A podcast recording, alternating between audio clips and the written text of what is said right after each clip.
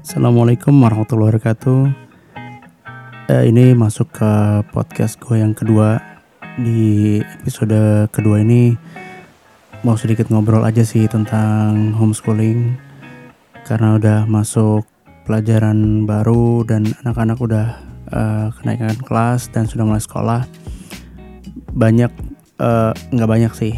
Ada beberapa teman yang nanya gitu, uh, Andra, uh, anak lo masuk mana jadinya? Gitu pesantren atau apa gitu kan. Jadi dari akhir tahun kemarin 2019 uh, eh, November Desember itu kita udah mulai uh, hunting ya, udah mulai cari-cari uh, sekolah gitu kan dari mulai sekolah formal biasa, sekolah Islam sampai pesantren. Uh, kita juga udah pernah uh, apa tanya-tanya uh, ke mereka yang uh, anaknya nyantri di pesantren gitu kan uh, bagaimana suka dukanya kemudian bagaimana sistem pendidikannya gitu.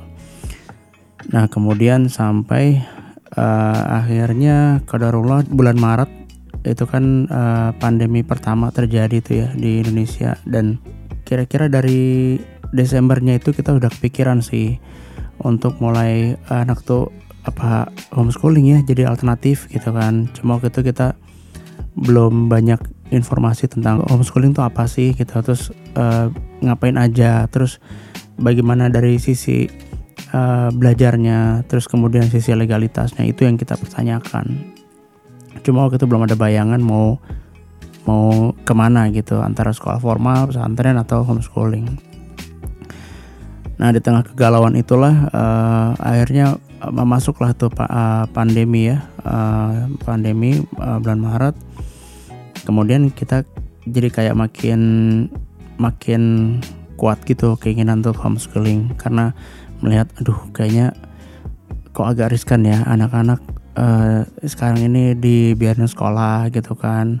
Uh, masuk kelas bergabung dengan yang lainnya gitu ya. Oke okay lah ada, ada protokol kesehatan segala macam. Tapi ya namanya anak-anak ya sulit untuk membatasi mereka bisa uh, berdekatan dengan temannya main apa segala macam kayak gitu. Dan akhirnya uh, ya Bismillah kita putuskan uh, Naura untuk homeschooling.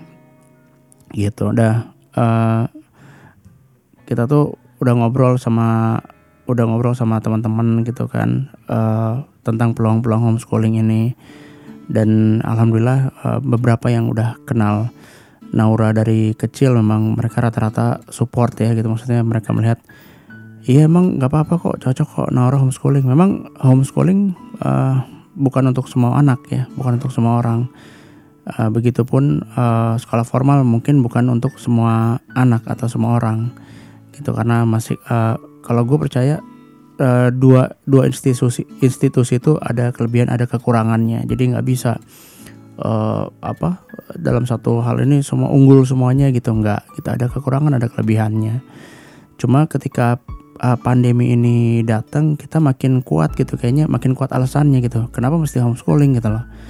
Uh, mungkin kalau pandemi ini nggak ada gitu ya di Indonesia mungkin kita nggak condong ke homeschooling mungkin kita tetap condongnya sekolah formal mungkin ya. Tapi setelah adanya pandemi yang tadinya kita sudah kepikiran nih dari Desember untuk homeschooling akhirnya jadi makin condong ke situ makin berat ke situ.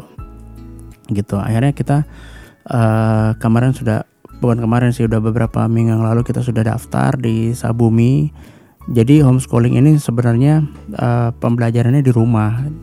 Nah maksudnya daftar ini adalah uh, apa mereka ini Sabumi ini uh, semacam PKBM. Jadi uh, apa uh, mereka yang menyediakan uh, pelajaran-pelajarannya gitu. Nanti uh, tetap harian-hariannya, dailynya tetap kita yang uh, mengajarkan, kita yang bikin jadwal, tapi dari mereka ada semacam bimbingan ya, bimbingan uh, dan uh, Sabumi ini juga uh, terdaftar di Dikdikbud ya.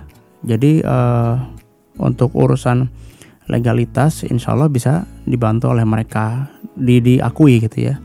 Jadi misal nih kelas 1 SMP ini kita anaknya mau homeschooling dulu Kemudian nanti tahun depan ketika mau naik kelas 2 ternyata pandeminya hilang nih total. Amin. Amin alhamdulillah. amin ya rabbal alamin. Ternyata hilang nih tahun depannya. Terus kita mau masukin dia untuk sekolah informal. Nah itu bisa. Jadi uh, ikut uh, ikut tes kesetaraan ya. Uh, tes paket paket B ya kalau nggak salah ya. Nah setelah ikut tes ya udah. Uh, yang diteskan ya pelajaran-pelajaran yang selama ini di sekolah ya kalau nggak salah ada lima, ada lima pelajaran kalau nggak salah kemarin dijelasin tuh yang diikutkan tes. Nah itu harus lulus gitu. Nanti setelah lulus seperti biasa dapat ijazah gitu dapat ijazah kemudian baru bisa uh, mencoba masuk ke sekolah informal gitu. Jadi di pandemi ini homeschooling itu benar-benar uh, jadi kecondongan kita sih. Dan udah ini Naura udah hampir dua minggu lah ya menjalani homeschooling ini dan alhamdulillah kita cukup puas gitu ya di Sabumi uh, karena Sabumi basicnya uh, Islam ya. Jadi uh, ada adab-adabnya ketika uh, mau memulai pelajaran adab-adab seperti uh, dibuka dengan ngaji apa uh, harus dalam keadaan berwudu ya. Kemudian dibuka dengan ngaji di uh, apa pakai zoom meeting itu gitu. Terus nanti uh, ada tugas misalkan dari mereka uh, tugasnya masuk ke Google Classroom gitu. Jadi tugas itu uh, contoh kemarin uh, dikasih tugas untuk dengarkan satu kajian dari Ustadz Muhammad Nuzul Zikri. Nah dari kajian yang satu jam sekian itu si anak diminta untuk membuat resumenya itu. Nah, tadi subuh Naura udah me kasih lihat tuh uh, apa hasil hasil resumenya. Gitu dan ya dibilang uh, iya tapi yang ini alhamdulillah enak kata orang. Maksudnya uh, dengerin kajian Ustadz Nuzul ini satu jam tapi seru gitu. Karena emang uh, apa uh, berkisah ya gitu. Maksudnya tugas itu berkisah kemudian disuruh membuat resumenya. Itu sih. Jadi uh, kalau sekarang ditanya Naura sekarang soal di mana? Ya homeschooling sekolah di rumah gitu. Jadi emang uh, ini tantangan juga buat buat gue buat istri juga untuk bisa konsisten ya ngajarin anak dari rumah gitu. Uh, ya pertama dia juga perempuan ya. Uh, banyak hal lah yang harus dijaga ya di zaman sekarang ini.